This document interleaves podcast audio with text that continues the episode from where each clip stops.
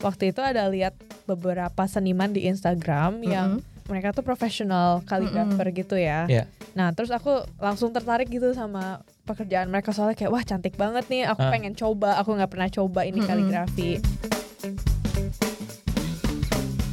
Kalau di daerah DC, setahu aku ya, Mm-mm. ini abis ngobrol-ngobrol sama seniman-seniman yang lain, mulainya tuh sekitar 200 per jam. Itu minimum. 200 dolar ya. 200 Iya. dolar per Oke. jam itu minimum ya. Oke. Iya. Oke. Halo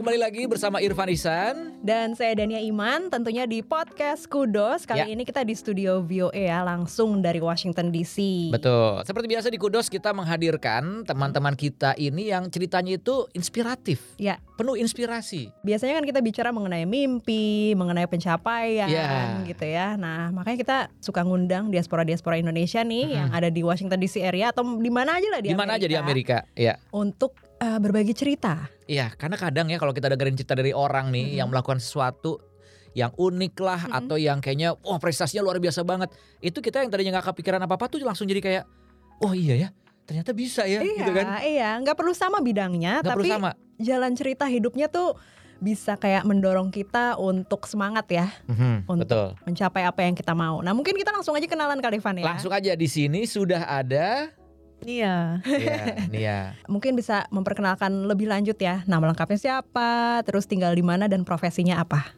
Ya, Iya. nanti profesi gue, coba tebak deh. Oh, oke. Ya. Oh, boleh, boleh. Belum boleh ngomong Iya. profesi. Ya. Eh, ya jadi halo kak semuanya. Eh, Ya, Nggak deh, tahu oke deh. ya nama aku Nia. Mm-mm. Eh, nama lengkapnya Nia Dianda. Aku nggak boleh sebut profesi. Ya, nanti aku tebak. Oke. Dania juga nebak. Oke, boleh. Oke. Iya, jadi aku datang ke Amerika tahun 2015 Mm-mm. untuk ambil bachelor dan sekarang aku tinggal di Washington DC untuk mengerjakan profesi aku tersebut. Ah, profesinya itu ya. karena kedatang ke sini kan bawa alat ya. Kalau lihat dari alat di sini nih, ini kayak bentuknya kayak bolpen disambung Ah-ah. ke satu box eh, elektronik yang udah gitu bisa diatur kekencangannya dari bolpen ini. Coba, apakah kamu adalah seniman tato? Bukan. Bukan. Mirip Gantian. tapi bukan. Gantian. Ini kayaknya buat dokter gigi. Alatnya sama. Alatnya sama loh. Alatnya sama, Boleh pegang cuma ya, lebih kecil. Boleh, boleh. Nah, ini dia nih, kayak bolpen gede tapi ujungnya kayak jarum kecil nyambung kok. Oke, Ini apa ini sebenarnya apa sih? Ini buat apa? Itu sebenarnya alat buat manicure, cuman ujungnya aku ganti. Ah, ah, menjadi Jadi itu kayak semacam apa ya namanya diamond burr. Jadi itu terbentuk dari diamond. Oh. Wow. berarti ini buat benar nggak kalau dibilang ini adalah buat mengukir? Iya betul. Oh. Nah, jadi ini mungkin udah bisa menebak-nebak ya profesinya tuh apa gitu ya. Oke. Jadi langsung Jadi aja kita kali. mau bongkar aja ya. Ah, ah, profesinya Nia adalah sebagai seorang Aku seniman, Mm-mm. tapi aku bisa mengukir dan aku bisa kaligrafi. Nah, Nah, itu dia. Seniman, Wow, Seniman ukir kaligrafi. kali- kaligrafi. Ya. Nah, kalau bicara mengenai kaligrafi ya, itu kan mikirnya adalah lukisan kaligrafi ya. Mm-mm. Kok tapi ada alat-alat kayak gini gitu ya? Kita kan pengen tahu ya, maksudnya sebenarnya sejauh apa sih kalau orang mengenal seniman kaligrafi itu yang suka kita lihat lukisan gitu ya, tapi sebenarnya itu mungkin lebih dalam, mungkin Nia bisa cerita ya. Oh iya, jadi kalau misalnya orang pikir kaligrafi kan pasti otomatis langsung mikirnya, oh itu cuma nulis-nulis cantik di kertas, pakai Hah. pulpen, terus Mm-mm. ada tinta gitu ya. Itu memang benar itu kaligrafi. Mm-mm. Cuman zaman sekarang ini kaligrafi itu tuh bisa kita pakai di surface-surface yang berbeda gitu loh. Jadi di komunitas aku tuh ada saying, Mhm. no surface is safe karena kita mau tulis Apa ber- aja? apa aja Apa gitu. aja. Iya. Nah, jadi dari alat mengukir ini tuh aku nggak tahu siapa yang mulai yang punya ide ini ya. Iya. Soalnya emang aku nih belajar ini tuh dari em, artis lain gitu.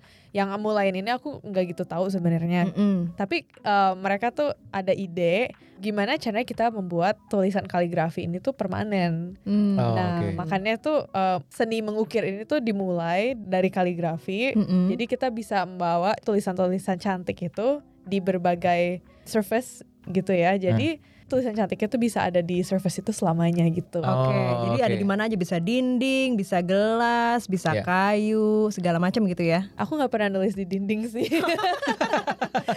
ya cuman bisa ya bisa di kaca, di Iya, iya, iya. gelas, Mm-mm. ya macem-macem. gitu. Oke. Oke. Dan ini bisa dibilang juga jasa kamu ini ini di hire sama orang-orang untuk event kayak gitu ya. Iya. Untuk menulis cantik di berbagai misalnya kayak tadi bisa dibilang kan bisa bagi permukaan. Biasanya apa aja sih yang kamu sekarang ini nih? yang- Acaranya gitu ya acaranya. Oh, biasanya. Iya, aku biasa tuh di hire. Sekarang sih paling banyak aku di hire sama kayak luxury brand gitu. Mhm, Kalau misalnya mereka ada parfum mhm, atau lilin, Mhm. eh, mereka biasa hire aku buat itu apa, Mengukir. mengukir di Hmm. barang-barang mereka itu. Jadi kalau misalnya ada customer beli, Heeh. mereka bisa dapat nama mereka di Oh. diukir di barang-barangnya itu. Jadi di personalize gitu ya. Iya. Hmm. Oke, misalnya aku beli minyak wangi yang baru keluar dari satu perusahaan parfum terkenal, Mm. tapi pengen di botolnya itu ada nama aku di situ, Iya. itu Khusus. itu kamu yang bikin. Iya, atau initial atau apa pun gitu. Soalnya Atau buat kan seseorang gitu yang spesial gitu Iya, ya. Atau Buat mau buat kado. hadiah Iya, gitu, iya, untuk iya. misalnya kayak Wow. Mother's Day kan bulan lalu banyak Oke. banget orang mau beliin parfum untuk mamanya. Jadi Mm-mm. mereka bisa minta aku ukir Happy Mother's Day gitu Oke. ya. Jadi tergantung mereka mau apa aku bisa tulis lah semuanya gitu. Oke. Iya. Dan kamu udah menekuni profesi ini di Washington DC area ini udah berapa lama? Baru satu tahun sebenarnya. Satu tahun. Iya. Nah, kalau boleh kilas balik sedikit itu waktu itu awalnya gimana sampai akhirnya memutuskan untuk menekuni profesi ini? Ya sebenarnya tuh awalnya tuh cuma dari hobi. Oke. Soalnya aku emang dari kecil tuh aku suka banget seni gitu. Aku Ah. suka gambar, suka macem-macem lah. Mm-mm. Nah, terus setelah aku pergi kuliah, ya Mm-mm. kuliah kan sibuk. Aku nggak pernah praktis, nggak pernah latihan seni Iya. lagi. Iya. Nah, jadi abis aku keluar dari university, aku ya ada nggak tahu ya, ada kayak panggilan dari dari dari langit nggak tahu. deh. Aha. Kalau apa aku tuh mesti balik lagi Ngelakuin ini. melakukan seni se- se- sesuatu seni gitu. Iya. Nah, jadi aku kayak waktu itu ada lihat beberapa seniman di Instagram yang mereka tuh profesional kaligrafer gitu ya. Iya. Nah, terus aku langsung tertarik gitu sama pekerjaan mereka soalnya kayak wah cantik banget nih aku Ah. pengen coba aku nggak pernah coba ini Mm-mm. kaligrafi nah jadi awalnya tuh aku cuman ya iseng-iseng aja gitu beli buku dari Amazon terus aku aku coba latihan dari situ Mm-mm. terus aku juga ada beli kursus online yang gampang diikutin gitu ya terus lama kelamaan aku masuk ke komunitas kaligrafi itu aku Mm-mm. lihat banyak banget artis-artis di komunitas itu yang mengubah hobi mereka tuh jadi bisnis. Nah makanya aku langsung tertarik wah kalau misalnya aku bisa ubah hobi ini jadi bisnis, mungkin aku boleh coba iseng-iseng gitu. Iya. Nah jadi awalnya aku pikir tuh aku mau meng, aku mau jadi kaligrafer untuk wedding-wedding kayak bikin um, apa sih tuh namanya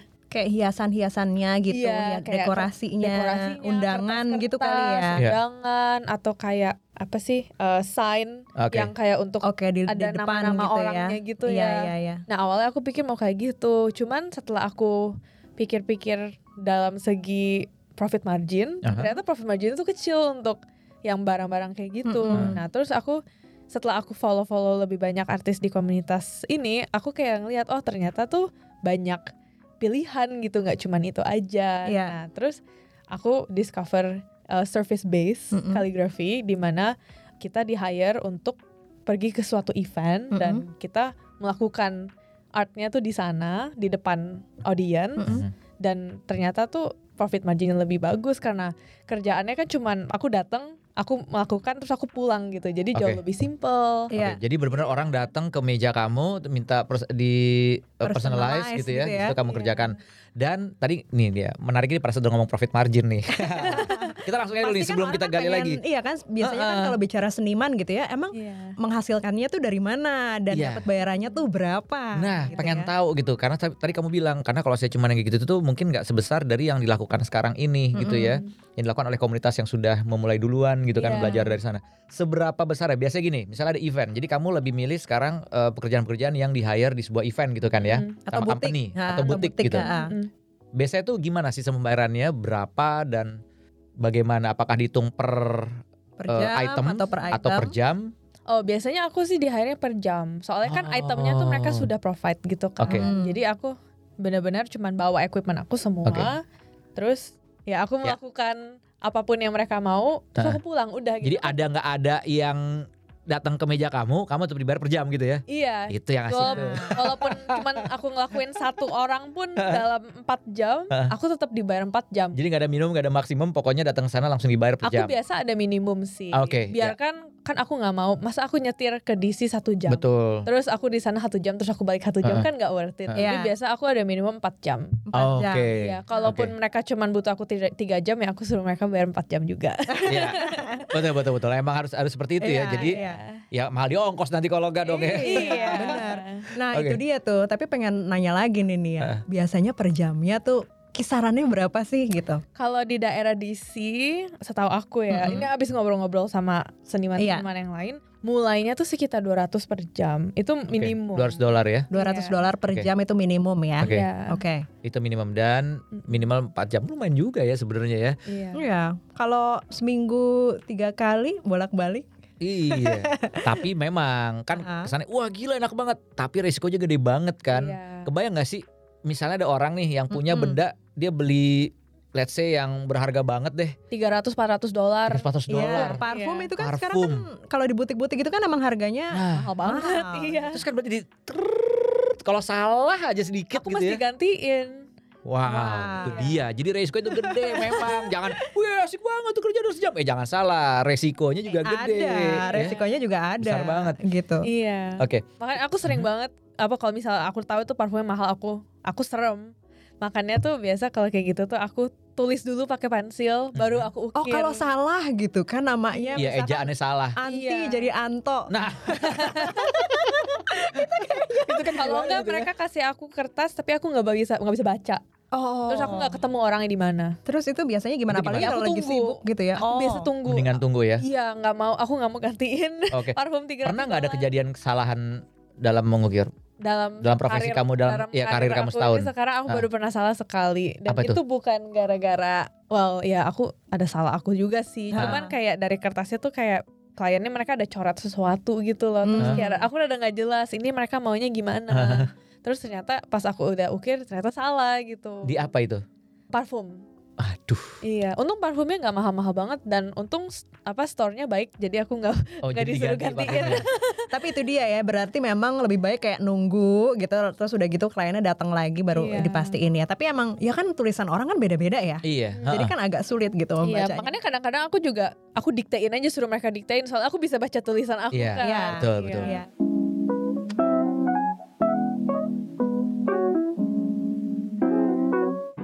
Kunjungi website kami di www.voaindonesia.com.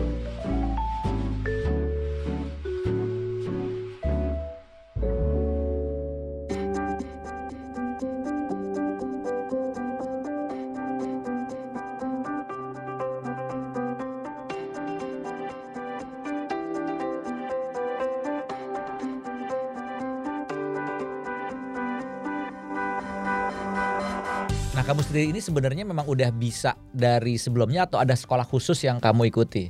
Aku cuma ambil online course gitu aja sih. Hmm. Oh ya? Iya, aku mulai ambil dari tahun 2021. Heeh. Iya, terus ya aku latihan-latihan di rumah aja gitu. Berarti sebenarnya bakat seni itu emang harus ada dulu gitu ya? Terpendam itu kayaknya ya. Iya kan karena sekolah aja tapi kalau memang nggak ada apa ya itu kalau seni itu Iya, kan kayaknya iya, memang iya. harus ada Emang jiwa udah seninya ada jiwa gitu. seninya. Tapi pengen tahu juga nih. kema- tadi kan kamu bilang kamu universitas ya. Em- Maksudnya ngambil kuliah di Amerika. Itu ngambil apa? Aku backgroundnya tuh sebenarnya bukan seni sama sekali. Aku backgroundnya tuh STEM. STEM itu science, Iya. Teknologi. math, Nah, Kenapa nggak engineering. Nah, engineering. Tapi kenapa kamu nggak ngambil art aja kan emang kamu dari kecil memang suka art. Iya, nggak boleh. Long story short, nggak boleh. Soalnya emang kayak kalau di komunitas Asia itu kan karir di seni itu jarang ya. Jadi Hmm. tuh kayak orang-orang tua generasi mami aku contohnya mereka nggak ngerti gitu Eh. gimana caranya orang bisa punya karir di seni Mm-mm. makanya kayak walaupun mamiku tahu aku tuh suka banget seni Mm-mm. tapi ya di mata dia tuh seni tuh nggak cuman hobi dan nggak bisa dibuat karir gitu makanya Ah. dia bilang udahlah kamu kamu kan suka makan kamu suka makan kamu harus ambil sesuatu di bidang STEM Mm-mm. terus awalnya mau ambil sekolah kuliner kan soalnya aku emang suka Iya. Iya. aku juga suka kuliner gitu Iya. kan terus jadi tapi mamiku bilang kamu nggak boleh jadi chef soalnya chef tuh berat kerjaannya terus gajinya kecil. Jadi kamu ambil food science aja gitu. Jadi komprominya kayak gitu. Oh, terus tetap diambil, iya. Tapi sekarang justru profesi kamu adalah sebagai art iya sebagai seniman, seniman. iya. Nah, terus gimana? Orang tua kamu gimana setelah mengetahui ya kamu akhirnya memutuskan untuk uh, melakukan profesi ini terus udah gitu nanti ditanya bayarannya berapa nih ya nah apa ngejelasinnya sih emang rada susah ya Mm-mm. Em, cuman ya karena bayarannya oke dan sekarang akhir-akhir ini bisnis aku juga udah mulai nambah berkembang terus, terus, berkembang gitu Mm-mm. jadi Oke. ya kalau misalnya aku mau full time di seni pun itu tuh bukan gara-gara aku bener-bener on purpose gitu Iya. ya tapi emang natural aja gitu Iya. terjadinya Mm. seperti itu iya Dan berarti kan sebenarnya ya ini kamu eh, ngebangun setahun ini tadi kamu bilang sendiri udah bertambah terus kliennya iya gitu ya. Dan berarti juga satu hal penting ini adalah networking Mm-mm. Mm-mm. ya nggak sih. Nah sekarang ini kamu udah ini belum ibaratnya uh, ada klien-klien besar yang mulai sudah ada di tangan gitu. Iya, jadi tuh pas aku mulai awal-awal tuh memang kayak aku mulai project-project kecil gitu. Ya. Tapi kayak tahun ini tuh aku bener-bener fokus di networking dan dapat klien yang berulang-ulang kali gitu ya. Iya. Jadi kalau di daerah DC tuh em, sekarang aku mulai masuk ke circle klien-klien seperti aku nggak tahu jelasinnya gimana ya. Kayak semacam private event begitu. Oh, Oke, jadi oke. udah mulai kayak acara-acara yang eksklusif, Eks- udah Iya. diundang ke Mungkin kayak komunitas. klub eksklusif Iya. gitu ya. Iya. Ada event-event, kamu diundang di situ. Ya, Oke. soalnya juga di, di daerah di sini kan banyak banget politician begitu Iya. gitu, orang-orang terkenal, orang-orang penting Uh-uh. gitu ya, dan Iya. mereka tuh selalu pasti ada acara. Iya. Iya. Dan target aku tuh tahun ini untuk masuk ke circle di mana ada company-company yang organize acara-acara itu. Hmm. Iya, jadi Iya. Akhirnya udah kalau namanya udah sekali masuk, udah itu akan muncul terus akan dibawa terus gitu ya. Dan Iya. rate itu bisa nambah nggak sih? Oh Rate. iya dong. Iya dong. Apalagi aku apa event-event besar ini tuh aku tahu budget mereka tuh gede banget. Hmm. Oke. Dan kalau misal aku charge mereka cuma 200 per jam itu kan kecil banget ya. Iya, iya. di iya. mata mereka. Ha-ha. Jadi kalau misalnya aku mau dipandang serius di depan mereka, aku mesti charge jauh lebih tinggi biar aku bisa dipandang lebih eksklusif, lebih Iya. luxury gitu ya. Oke. Iya. Nah, jadi pengen tahu kalau di eh, dunia ini sendiri gitu ya, yang Mhm. mungkin yang kamu udah tahu atau kamu kenal sama siapa gitu ya. Mhm. Yang termahal itu yang kamu tahu itu berapa di di, di hire-nya? Bisa di charge berapa gitu ya? Kayaknya wah jawabnya gimana ya? Soalnya ini juga hal yang aku mau lakukan di dunia event ini juga masih baru. Ah. Jadi datanya aku juga masih nggak tahu. Ah. Tapi em, Yang kamu tahu deh, misalnya Yang- pernah denger nih si A nih gila nih dibayarnya udah 1000 dolar per jam misalnya. eh aku eh, akhir terakhir ini pas bulan April Heeh. klien klien aku yang bayar aku paling tinggi sih so far 500 per jam. Hmm. Wow. Oke. Dan jadi itu memang- pun aku masih mencoba-coba ya. Ah. Jadi Iya. kemungkinan untuk bisa ditinggiin tuh pasti, ada. ada dan Iya. berarti yang udah dikenal udah bener-bener kalau koneksinya udah banyak. masih Iya, banyak profesinya iya, udah iya, udah udah la- banyak. apa udah menjala- menggeluti profesinya udah lama bisa Mhm. jadi dia jauh di atas itu juga ya. Iya. Iya. Gila asik juga loh ternyata Enak loh. Jadi seniman kaligrafi. Benar. Resikonya gede memang. benar. Tapi nah itu dia. Yang paling susah apa yang pernah kamu bikin? Yang paling susah apa ya? Nggak tahu sih. Jadi udah pernah segala macam ini ya, eh, parfum, gelas Iya. gitu ya, eh, terus udah gitu kayu, pernah ya kayu Iya, pernah, iya. Eh, kertas, terus udah gitu, apalagi pokoknya udah pernah dicoba lah semuanya ya, yang pokoknya yang yang berbagai jenis apa surface gitu Iya, ya. Iya, sebenarnya kayaknya sih kayu itu yang paling susah soalnya rada lama. Hmm. Soalnya kalau kayak diukir kayak kaca gitu tuh Mm-mm. itu cepat banget. Kalau Mm-mm. kayu tuh mesti ditunggu kayunya dibakar dulu. Oh, Dan itu lama. Oke, itu prosesnya lama. ya, gitu tapi ya. nggak susah, cuman lama aja gitu. Jadi kadang-kadang aku juga kayak kehilangan kesabaran gitu kalau lagi Oke. bikin.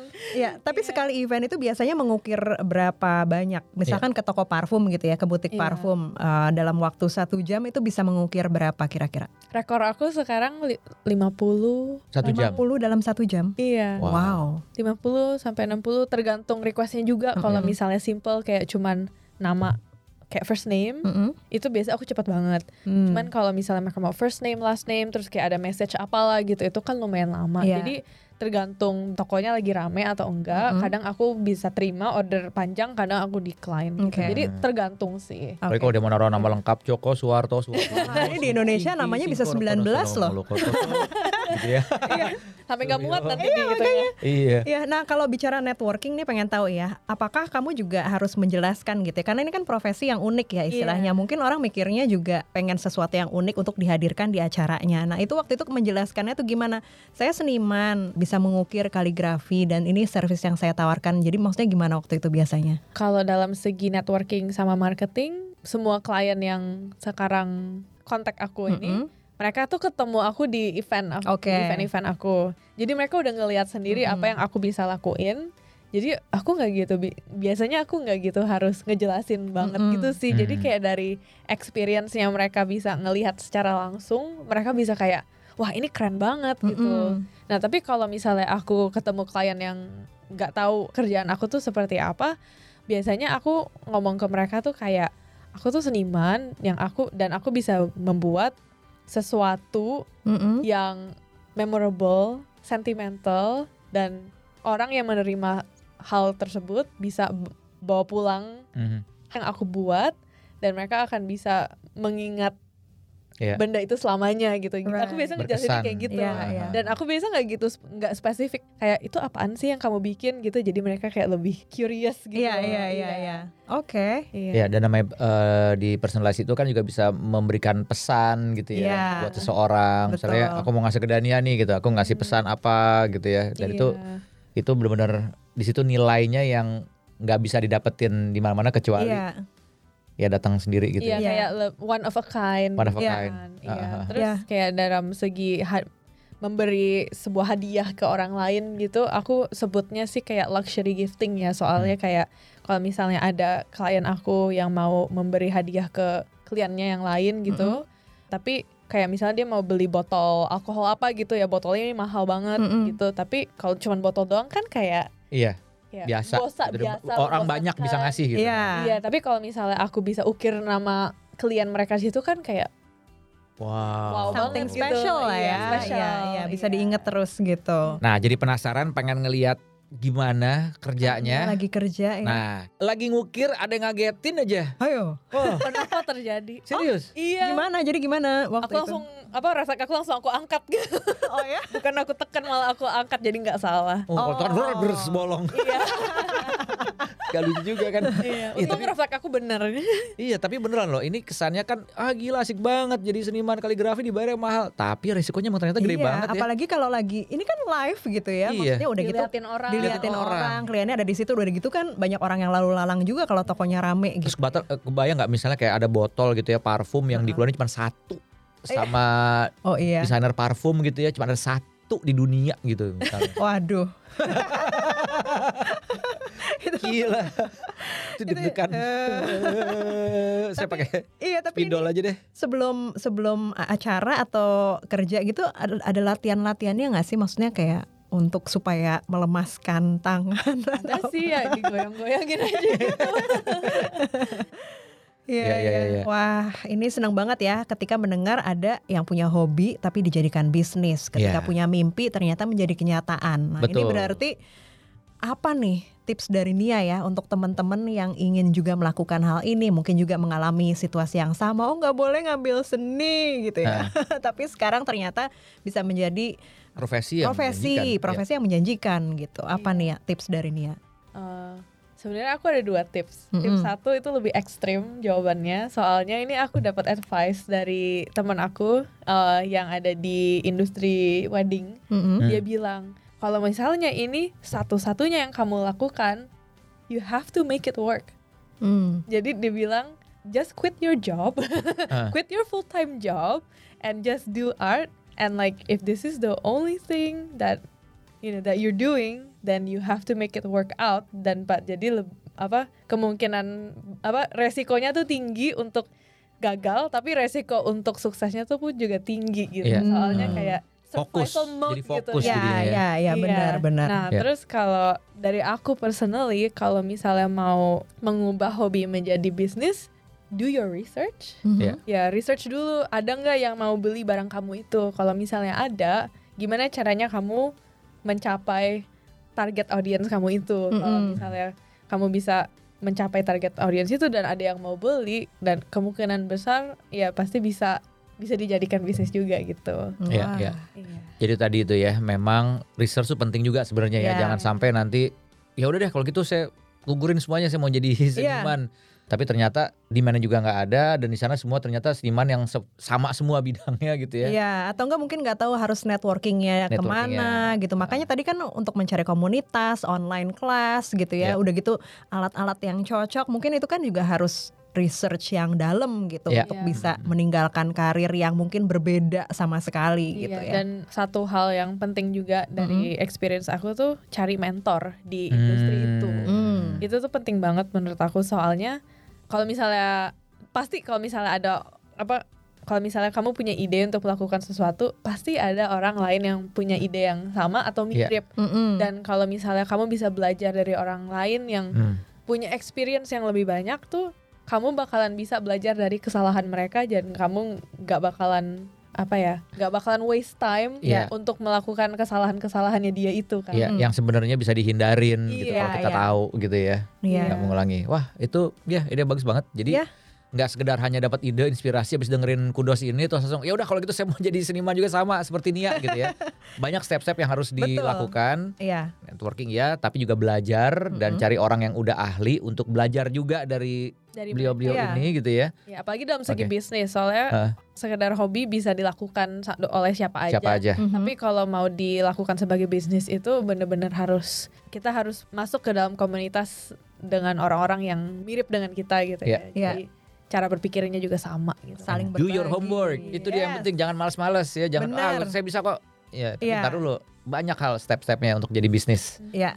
Wah. Oke. Ini obrolan yang sebenarnya singkat, padat, Aha. tapi inspiratif, Inspiratif. tentunya dan bisa jadi ide dan penyemangat ya teman-teman yang juga pengen melakukan hal yang sama atau Ah. mungkin di bidang yang lain gitu yang berbeda cuman jadi setelah mendengar cerita Nia gitu awalnya nggak boleh tapi akhirnya ditekunin lama-lama juga karena fokus di situ research yang dalam akhirnya ternyata bisa dijadikan profesi. ya.